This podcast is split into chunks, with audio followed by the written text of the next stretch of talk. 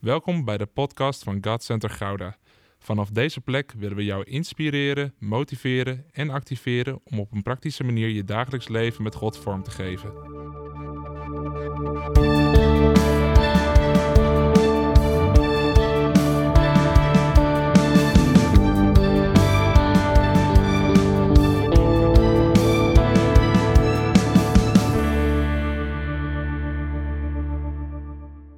Um, en, en, dat brengt me eigenlijk ook op de boodschap van vandaag. Want uh, zoals jullie weten ben ik naar Congo geweest en ik heb daar twee fantastische weken gehad. Ik ga zo direct nog wat meer erover delen, maar we hebben als groep een fantastische missiereis gehad. Het was krachtig, het was mooi en zoals een goed echtgenoot betaamt, neem je dan ook een souvenirtje mee naar huis. Alleen was mijn souvenirtje corona. Dat viel wat tegen, viel ook niet in hele goede aarde thuis. dus um, ja, daardoor uh, zat ik thuis een groot gedeelte van de Love Week. Wij kwamen de woensdag voor de Love Week uh, kwamen thuis. Um, en ik had in het vliegtuig begon ik uh, wat symptomen te ontwikkelen. En ik had het eerst niet zo door, het was vooral hoofdpijn. En ik dacht, nou ja, ik zal wel gewoon moe zijn van die hele reis. Ik heb 15 dagen aangestaan, twee keer per dag gepredikt. Uh, de eerste diensten beginnen daar om 5 uur. S ochtends. Ja, ik zat jullie allemaal te denken, oh, hele dag in het zwembad en na 5 uur een dienst. Nee, 5 uur s ochtends beginnen de eerste diensten. En uh, ik dacht, ik ben gewoon op. Maar ja, toen uh, werd ik ook een beetje koortsig en toen werd ik nog wat minder lekker. Dus toen dachten we, nou toch even een test. En toen was ik heel positief, past heel goed bij mijn karakter. Uh, vond ik heel erg jammer. Maar ja, in ieder geval, toen moest ik thuis zitten. En toen begon de worsteling. Want dan kom je van zo'n bergtop. En dan kom je best wel even in een dal. Dat je denkt, nee, dit meen je niet. Waarom? En dat je gaat vragen, waarom God? U, u zendt mij op missiereis. U geeft me anderhalf jaar geleden. Ik vond het zo mooi. Bas die stuurde me nog een appje van de week van uh, 26 februari 2020. Toen had ik het naar hem gestuurd. Ik zeg, Bas, ik heb een waanzinnig idee. En het heet The Love Week. En we gaan dit en dit en dit en dit en dit doen. En dat hebben we allemaal gedaan. En dat is anderhalf jaar geleden. En ik dacht, Heer, u heeft me dat anderhalf jaar geleden, heeft u me dat gegeven? Ik, ik, ik word ook nog geroepen om naar Congo te gaan, tot zegen te zijn. En dan kom ik thuis en dan heb ik corona. Na anderhalf jaar. En overal fiets je er tussendoor. En dan op dat moment, net voor de Love Week, dit. Nou ja, dat was niet mijn meest positieve moment, hoewel ik dus wel heel erg positief was. Um, en, en ik baalde. En ik baalde, want ik dacht, ja, kom op, ik kom uit, uit een geweldige missiereis. Weet je, we hebben daar zo, zulke mooie dingen meegemaakt. We gingen daar evangeliseren op straat. En in 2,5 uur gaven 69 mensen gaven hun hart aan Jezus. En we deden dat in samenwerking met de plaatselijke kerk. Het was een jeugdconferentie, dus we hadden ze eerst teaching gegeven over hoe te evangeliseren. En dan wop, de straat op. En 69 mensen. En dat was niet alleen van, oké, mag ik even voor je bidden? Oké, snel zondagsgebed en door. Nee, dat waren allemaal mensen die ook hun contactgegevens achterlieten. Die, die, die hun telefoonnummer gaven, zodat ze de volgende week weer gebeld konden worden en gediscipeld konden gaan worden. Dus dat waren echt allemaal bekeerlingen. En ik was er zelf bij en, en zoveel gewoon onder tranen. En woorden van profetie, van wijsheid, van, van een inzicht die vloeide, waardoor de harten werden geraakt. En dat was nog maar de eerste dag. En toen kwam de tweede dag en de derde dag van de jeugdconferentie en er gebeurde zoveel. En daarna gingen we naar andere kerken om ze te bemoedigen. En uiteindelijk eindigde het ook nog in een grote pastorsconferentie.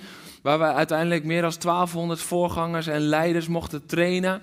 En we hebben een waanzinnige tijd gehad. Echt een waanzinnige tijd. En er gebeurde zoveel.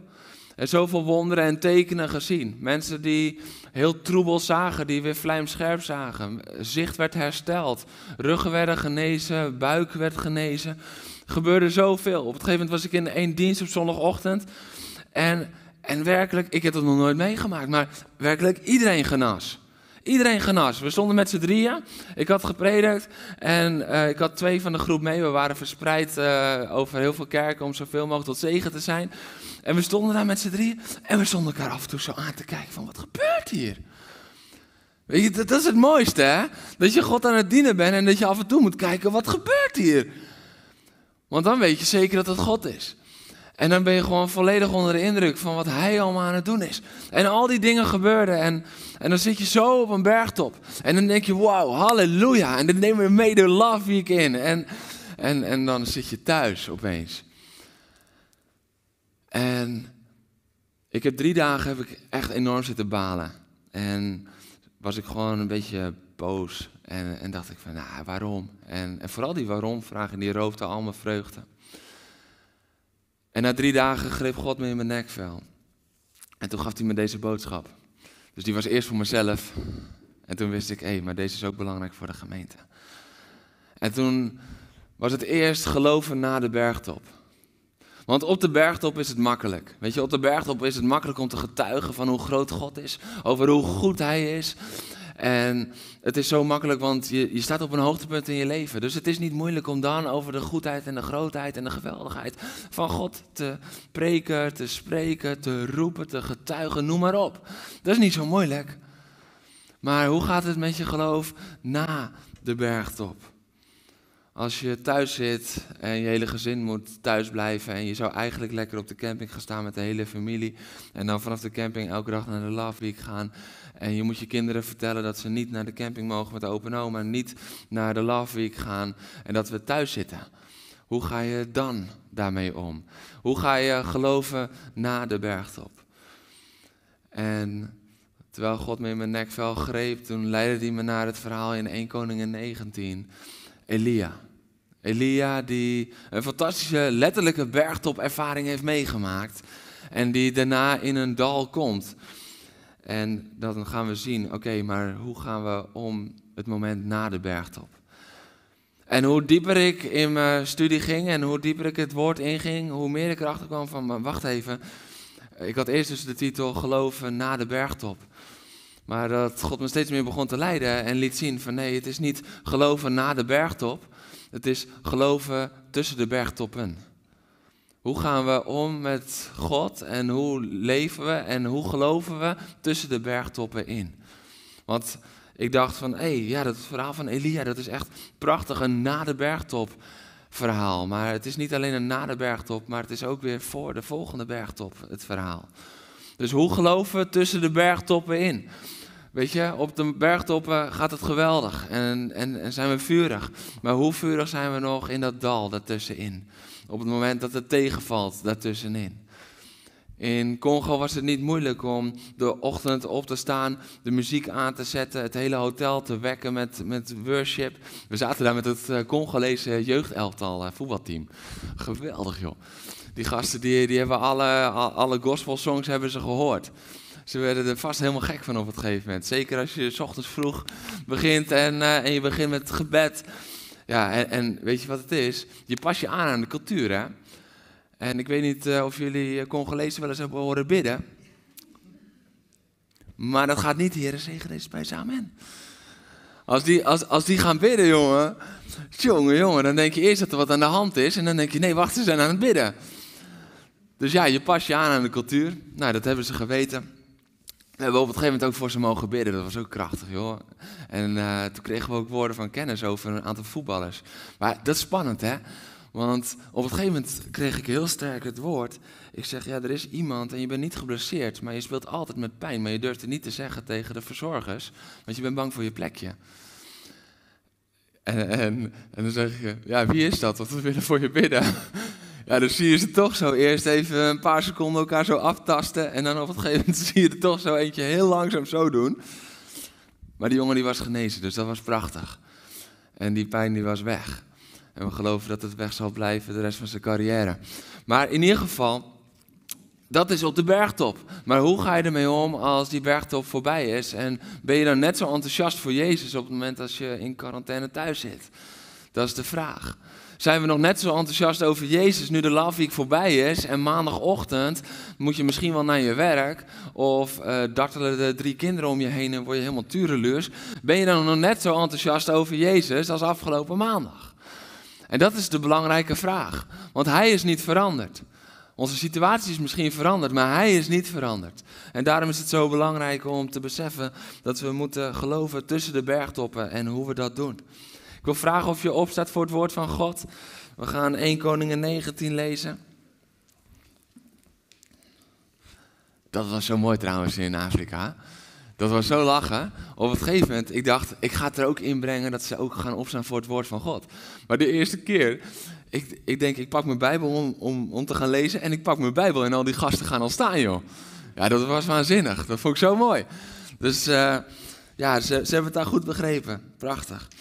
Oké. Um, we gaan lezen 1 Koningen 19, vers 1 tot en met 9.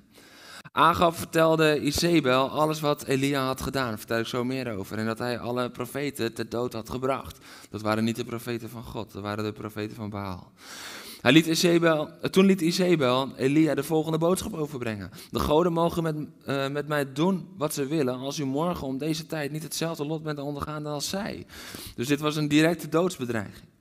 Elia werd bang en vluchtte om zijn leven te redden. Bij Beersheba in Juda aangekomen liet hij zijn knecht achter en zelf trok hij één dagreis ver de woestijn in. Daar ging hij onder een bremstruik zitten, verlangend naar de dood. En hij zei, het is genoeg geweest, Heer. Neem mijn leven, want ik ben niet beter dan mijn voorouders. Hij viel onder de bremstruik in slaap en er kwam een engel die hem aanraakte en zei, word wakker en eet wat. Elia keek op en ontdekte dat naast zijn hoofd een brood op gloeiende kooltjes gebakken en een kruik water stond. Nadat hij had gegeten en gedronken, ging hij weer liggen onder de struik. Maar de engel van de Heer kwam terug en raakte hem opnieuw aan en zei: Sta op en eet wat, anders is de reis te zwaar voor je. Elia stond op en toen hij had gegeten en gedronken, liep hij gesterkt door dit voedsel 40 dagen en 40 nachten door de woestijn. Tot hij bij de Horeb kwam, de berg van God. En daar ging hij een grot binnen om er de nacht door te brengen. Wauw, je mag gaan zitten. Ik voelde me vorige week een paar dagen zoals Elia. Je komt van een bergtop ervaring af.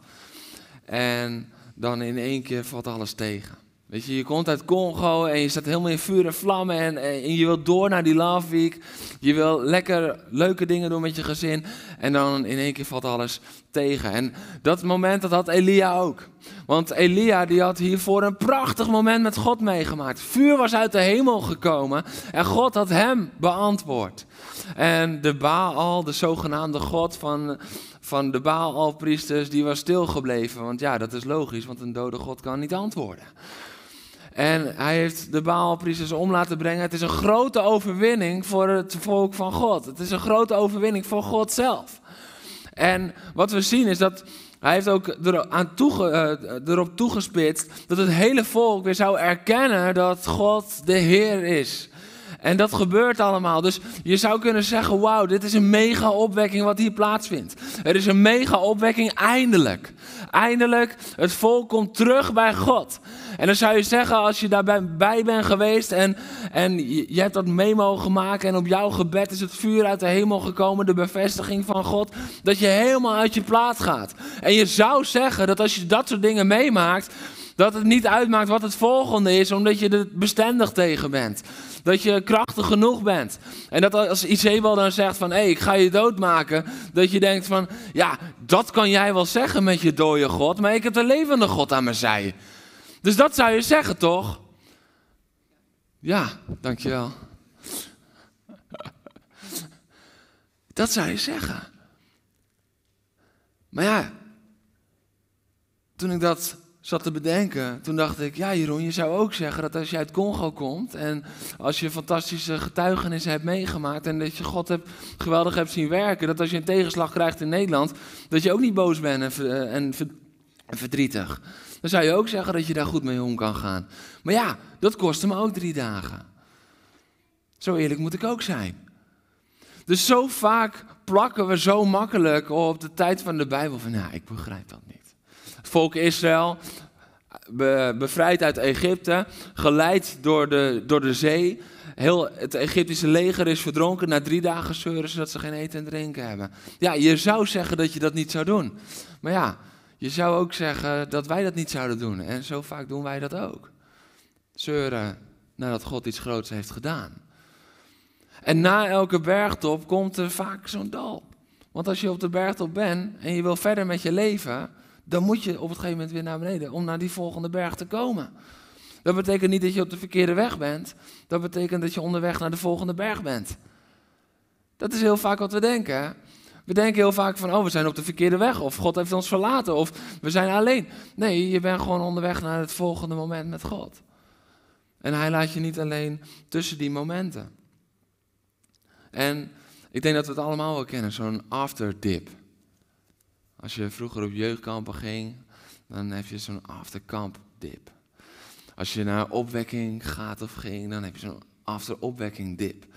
En ik had een beetje zo'n after Congo dip. En misschien heb je nu al wel een beetje last van een after Love Week dip. Want, oh man, het was vijf dagen lang met elkaar optrekken. En we hadden een dagopening om half negen. En nu moest ik zaterdagochtend zelf mijn Bijbel openslaan. En er was geen dagopening. En, en hoe dan? En je hebt misschien al een beetje een after Love Week dip. Maar het is iets waar we ons op moeten voorbereiden, want we krijgen er allemaal mee te maken. En het is heel bijbels om daarmee te maken te krijgen. Want Mozes die kwam de berg af en wat komt hij tegen? Een gouden kalf. David die heeft Goliath verslagen en wat moet hij? Hij moet vluchten voor zijn koning. En zo zien we in al die levens van alle vrouwen en mannen van God, zien we dat er onwijs veel momenten van een dip naar een bergtop komt. Dus dat is heel normaal, dat is het leven. En op het moment dat we daartegen gaan strijden en gaan zeggen dat dat niet goed is, en dan worden we gefrustreerd, want we komen toch iedere keer weer tegen, maar we denken dat het niet zou mogen in ons leven met God. Maar misschien zijn de momenten tussen de bergtoppen wel bepalend over hoe hoog je bergtoppen kunnen zijn. Weet je, Elia ziet het niet meer zitten. Hij zit daar en hij zit daar bij zijn bremstruik, verlangend naar de dood. Het is genoeg geweest, Heer. Neem mijn leven, want ik ben niet beter dan mijn voorouders. En hij gaat slapen.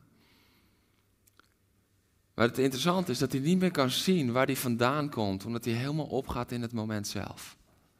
Hij kan niet meer zien wat God een dag of twee dagen eerder heeft gedaan aan wonderen, omdat hij helemaal opgaat in het moment zelf en de ellende van het moment zelf. En dat herkende ik ook. Want als ik niet oppaste, dan lag ik alleen maar in mijn bed ziek te zijn en, en te balen. Terwijl ik vergat wat God drie dagen eerder nog allemaal aan het doen was in Congo.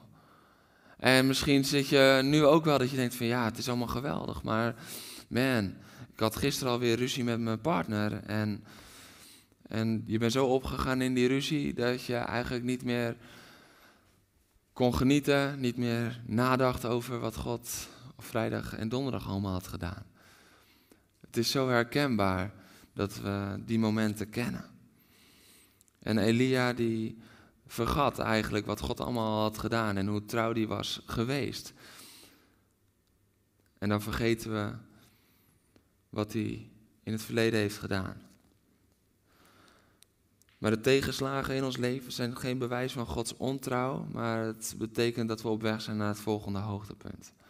En dat is belangrijk om te beseffen, want anders schatten we niet op waarde de momenten dat we gevormd worden, dat we gekneed worden, de momenten tussen de hoogtepunten in.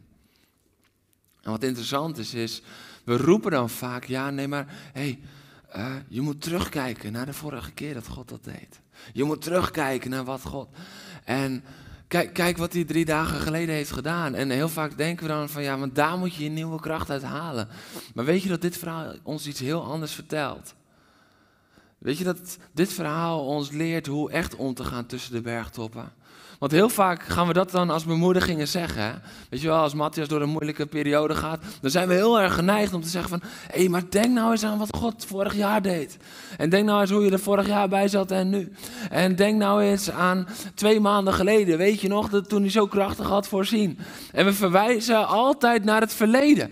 Maar hoe, hoe raar is het eigenlijk dat we God, als we, als we zijn trouw willen duidelijk maken, dat we altijd gaan wijzen naar het verleden, terwijl hij zegt, ik ben. Hij is de God van het heden. Dus wij hoeven niet terug te kijken naar het verleden om opnieuw onze kracht in Hem te vinden. We moeten Hem ontmoeten in nu.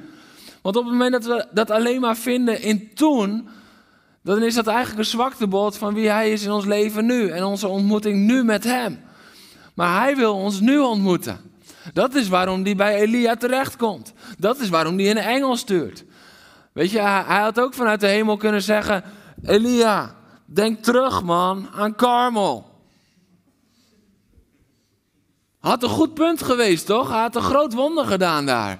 Hij had zijn trouw bewezen. Hij, hij had heel duidelijk gemaakt: ik ben de Heer. Ik ben de Heer van dit volk. En niemand staat mij in de weg daarin. Ik ben veel krachtiger dan die Baal, want Baal bestaat überhaupt niet, is dood.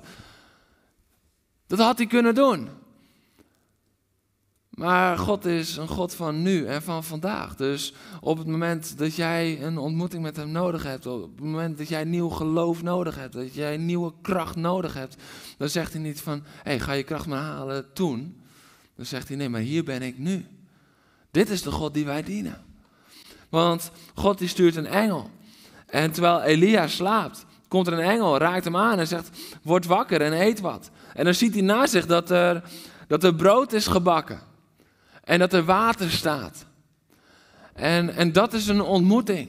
Dat is een ontmoeting met het brood, het brood des levens. Dat is al een vooruitwijzing naar Jezus.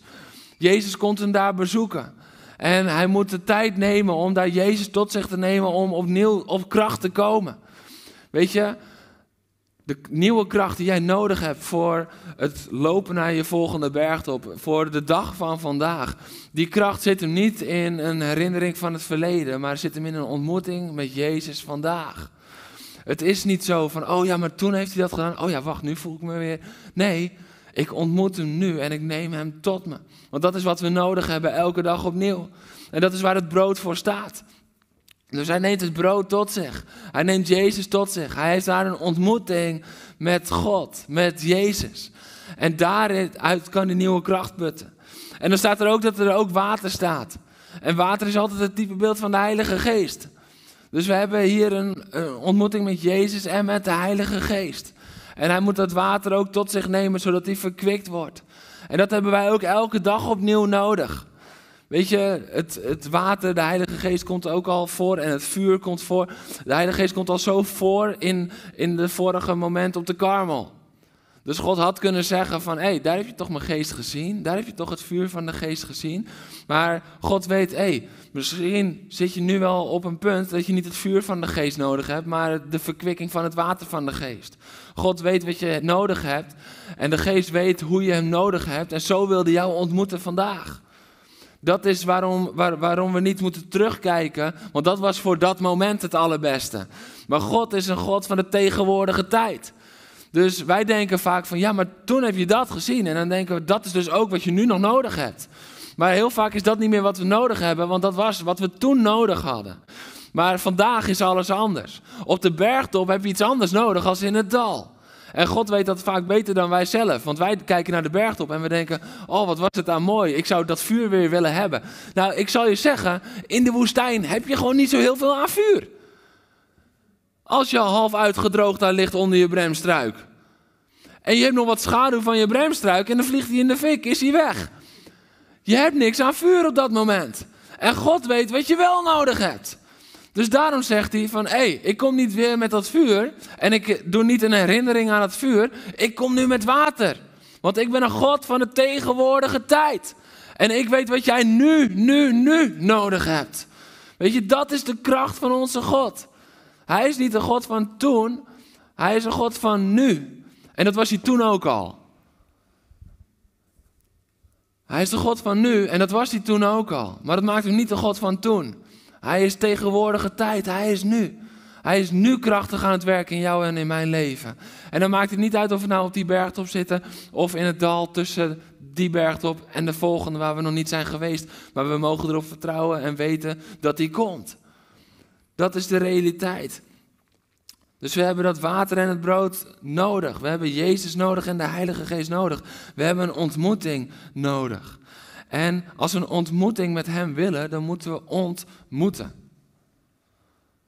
En daarmee bedoel ik te zeggen dat we wat minder moeten. Want als we iedere keer van alles denken te moeten, dan kunnen we niet goed ontmoeten. En dat lijkt een hele simpele, maar dat vinden we vaak zo lastig. Want hoe lastig vinden we het niet om even te ontmoeten? Weet je, ik, uh, ik, ik, ik, mocht een artikel schrijven voor een uh, tof christelijk blad. En die komt in het najaar uit. En dat moest gaan over een ontmoeting met God. En En toen moest ik eraan denken van waarom komen altijd de beste gesprekken met vrienden, waarom komen ze altijd zo laat op de avond? Dat is frustrerend hè? Dat je denkt, ja maar ik wil gewoon op tijd naar bed. Maar het gebeurt altijd pas laat. En toen dacht ik van ja maar wacht eens even, eigenlijk is dat heel erg logisch. Want je hoeft nergens anders meer heen. Je hebt niks anders meer op de agenda staan. Het enige wat je denkt is na dit gesprek ga ik naar bed. En die tijd die verschuift dan 2,5 uur. Maar je moet niks anders meer. Je bent ontmoet. Je hoeft even helemaal niks anders meer.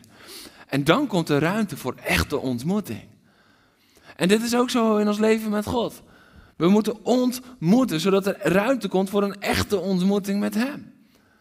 En Elia had hier ook geen agenda meer. Die dacht, ik wil dood. Die was er klaar mee. Die lag daar in feutushouding onder zijn braamstruik. En die dacht, ik ben er klaar mee. Zo zie ik het voor me, die feutushouding. Dat is niet theologisch. Ja, voordat mensen. nieuwe Insta-post. Elia lag in feutushouding. Nou ja, dat moet je ook niet hebben. Nee, maar ik zie dat zo voor me. Dat hij zo. zo en, en, en dat hij denkt: ik ben er klaar mee, ik trek het niet meer. Hij had geen moeten meer. En daar kwam dus wel ruimte voor een ontmoeting. Een ontmoeting met God. Maar zo vaak hebben we dit ook in ons eigen leven. We moeten ontmoeten, zodat er ruimte komt voor een echte ontmoeting. En die echte ontmoeting hebben we nodig, juist op de momenten dat we in de woestijn zitten. Juist op de momenten dat we tussen de bergtoppen in een dal ons bevinden. Juist op die momenten als we het niet meer zien zitten. Juist op die momenten als we denken, waar is uw kracht nou gebleven? En dan zoeken we vaak even vluchtig tussendoor en dan gaan we zelf weer aan de slag en aan het werk. Maar we hebben zijn kracht nodig en dan moeten we hem echt ontmoeten. Moeten we daar de tijd voor nemen. En hebben we het nodig om brood en water tot ons te nemen. Het is tijd dat we daar een echte ontmoeting in gaan vinden. En wat ik al zei, ik had de boodschap in eerste instantie genoemd geloven na de bergtop. Maar God liet me steeds meer zien. Nee, het is geloven tussen de bergtoppen. Want als je gaat spreken over geloven na de bergtop, dan is het zo van: oké, je hebt je beste moment gehad. En hoe ga je nu de rest van je leven, hoe ga je het volhouden? Maar het is op naar de volgende bergtop. En dat ervaar je niet altijd tussen de bergtoppen, maar het is wel de realiteit. Het gaat niet om geloven na, maar geloven tussen de bergtoppen. Want wat we dan zien is dat de engel zegt, nadat Elia nog een keer is gaan slapen, hij moet nog een keertje eten en drinken. Sta op en eet wat, anders is de reis te zwaar voor je. Dus je hebt een ontmoeting nodig in het dal om op de volgende bergtop te komen. En dit is een hele belangrijke les. Want zo vaak vieren we de ontmoetingen met God op de bergtop. En hebben we een beetje de houding van, ja, als ik maar hard genoeg schreeuw op de bergtop, als ik maar hard genoeg hem prijs op de bergtop, dan hoor ik dat nog wel een beetje in het dal en dan kom ik wel weer op het volgende punt. Maar dat is niet wat God zegt. We hebben die ontmoeting in het dal nodig om op die volgende bergtop te komen. Als we niet de tijd nemen in de moeilijke momenten in ons leven om alsnog die ontmoeting met Jezus te vinden, dan zullen we te zwak zijn in ons geloof, in ons geestelijk leven, om op de volgende bergtop te komen. Dat is de realiteit van wat het woord ons leert. En het lastige is dat dat vaak de momenten zijn dat we het zo moeilijk vinden om onze tijd met God te nemen. Dat dat de momenten zijn dat we het lastig vinden om ontmoeting te zoeken. Dat we het lastig vinden om het brood en het water tot ons te nemen. Jezus en de geest tot ons te nemen. Om krachtig en vurig te blijven in Hem. Verkwikt door zijn Heilige Geest. Maar we moeten het tot ons nemen, want anders zal de reis te zwaar voor je zijn. Wat is die reis? Dat is de reis naar de volgende berg in Elia's leven.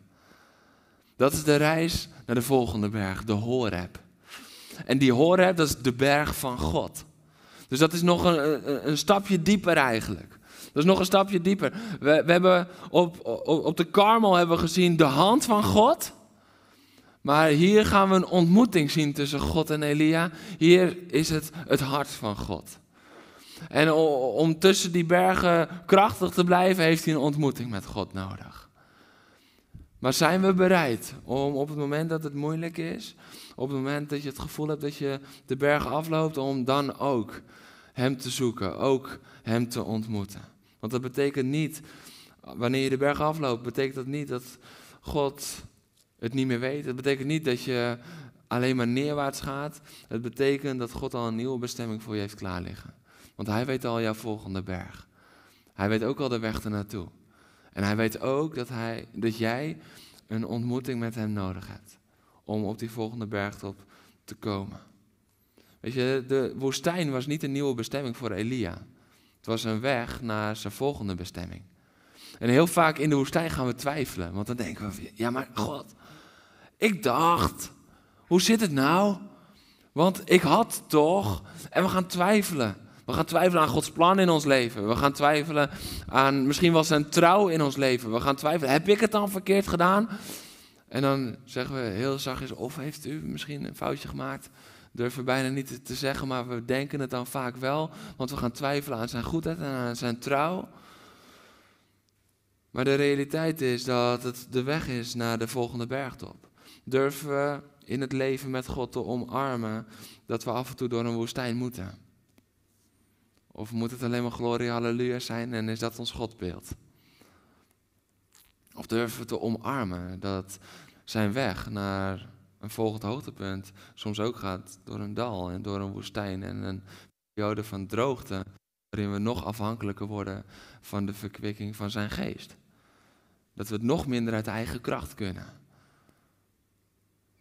Het zijn vaak niet de meest comfortabele momenten, maar het zijn wel de momenten waarin we nog dieper onze relatie met God kunnen bouwen. Het zijn wel de momenten dat we nog dieper kunnen komen met Hem, omdat we Hem nog dieper ontmoeten. En nog meer afhankelijk worden van Hem. En weet je, als we dan in zo'n woestijn zijn, dan is de vraag niet waarom we daar zijn. Dat is heel vaak, de, dan komt de waarom-vraag. Waarom? En begrijp me niet verkeerd, hè? ik heb dit dus eerst tegen mezelf gepreekt een aantal keer. De afgelopen week, voordat ik het hier breng. Maar die vraag die we als eerste stellen is heel vaak, waarom? Maar de vraag die we echt moeten stellen is, hoe gaan we hiermee om? Niet waarom, maar hoe gaan we hiermee om? Dat is een veel belangrijkere vraag. Hoe gaan we hiermee om?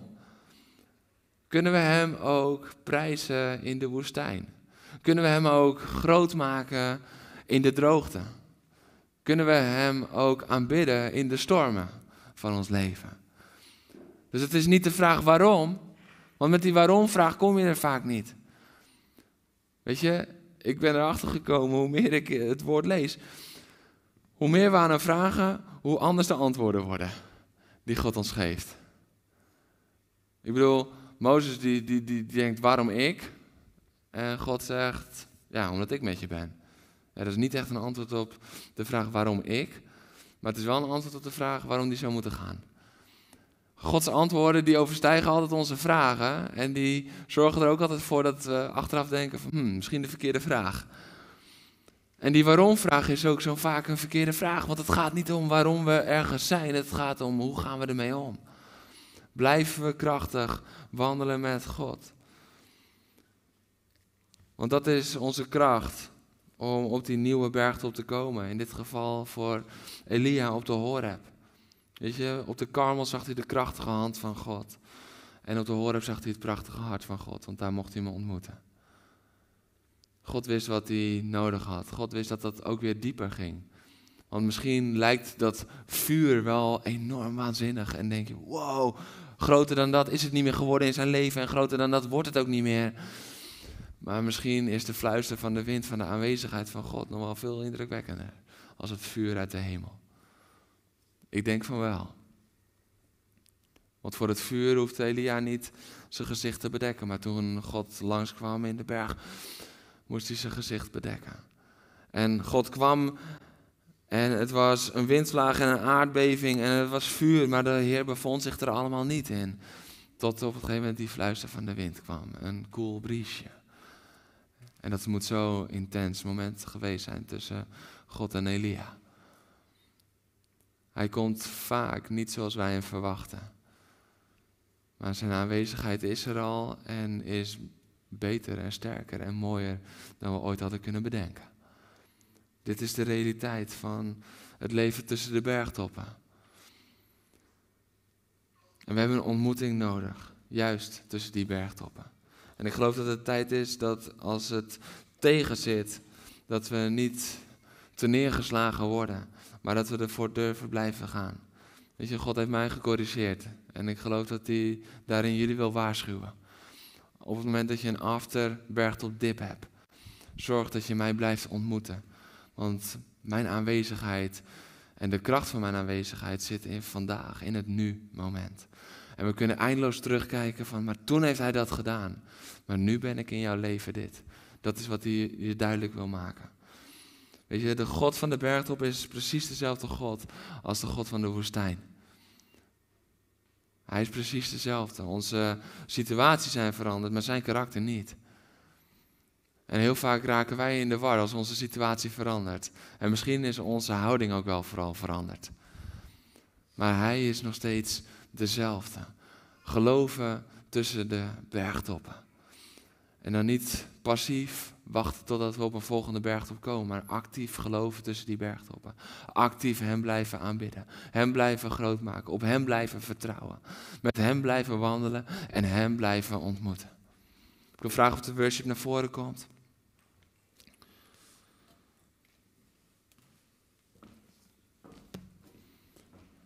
En ik wil je uitdagen. Als vandaag misschien wel een tussen de bergtoppen moment is voor je. Misschien zit je nog ergens halverwege een bergtop door de Love Week. Maar dan is het gewoon al gelijk een voornemen van waaruit je de komende weken kan leven. Weet je, dit is ook vaak wat ik hoor van de vakantietijd. Dat mensen denken, oh, ik kom wel echt tot rust. Maar ja, als ik dan terugkom, dan kom ik erachter. Mijn relatie met God heeft ook wel op een laag pitje gestaan. Voor sommigen is het juist een oplaadmoment. Voor anderen is het juist meer een moment van, ah, chips, ik heb een beetje laten verwateren. Maar ook tussen de bergtoppen, ook in de vakantie, ook in de rustperiode, ook in de woestijn. Juist daar wil hij jou ontmoeten, zodat je krachtig blijft. En je hebt het nodig om op je volgende bergtop te komen. Weet je, dit is de openbaring die God me gaf.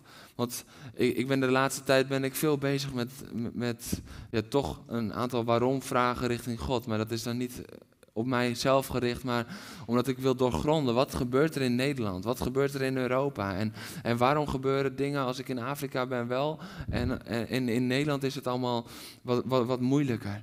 En, en dit, dit is wat God tegen me zei. Het zit vooral in dit verhaal. Mensen in Nederland die verlangen wel naar de bergtop, maar ze zijn niet bereid om brood en water te nemen in de woestijn. Maar zonder het brood en het water zonder een ontmoeting met Jezus en de Geest ben je niet sterk genoeg voor de reis die voor je ligt. De reis naar een nieuwe ontmoeting met het hart van God. En ik voelde hoe ernstig God dat nam.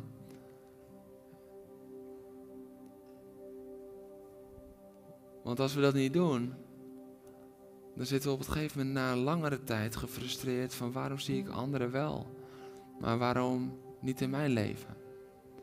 Waarom zegt God dit, maar zie ik het niet gebeuren? Als God iets zegt, dan moet het toch gebeuren? Ja, als God iets zegt, dan zal zijn woord niet ledig wederkeren voordat het heeft gedaan waartoe het bestemd is. Maar de vraag is wel, eten wij het brood? Nemen wij Jezus tot ons? Kiezen we voor die ontmoeting? De vraag is wel, willen wij verfrissing? Willen wij het water tot ons nemen? Willen wij de geest tot ons nemen? Willen wij een ontmoeting? Willen wij investeren in onze relatie met Hem, ook op het moment dat het misschien wat meer kost en ogenschijnlijk wat minder oplevert voor ons? Is Hij dat ook waard in ons leven? Kunnen we Hem ook aanbidden in de woestijn of doen we dat vooral in de bergtop, op de bergtop? Durven we Hem ook te aanbidden als het droog is in ons leven? Of vinden we dat lastig en denken we dan van ja, nee, dat, hij moet eerst dit doen in mijn leven. Hij moet eerst moet die. Maar misschien ligt het eerste wel bij ons. Misschien is het tijd om met geheven handen zijn troon te naderen. Ook al is dat misschien voor je gevoel wel je laatste kracht. Misschien zit je nu thuis en denk je van, ja, man, ik ben op het einde van mijn kracht, ik trek het bijna niet meer. Misschien is dit wel jouw laatste kracht, maar het is niet zijn laatste kracht. En misschien moet je wel op het moment van jouw laatste kracht komen om je te kunnen overgeven aan de kracht die je nodig hebt. En dat is de kracht van die ontmoeting met Jezus, met de Geest. Want we proberen het zo vaak uit eigen kracht. Maar zijn kracht is zoveel groter. Zijn kracht is zoveel meer. Zijn kracht is zoveel alomvattender in ons leven. Ik wil vragen of je opstaat en als we gaan aanbidden, wil ik je uitdagen. Ik weet niet op welk moment in je leven je zit, maar ik weet wel dat het tijd is om Hem te aanbidden en Hem te ontmoeten.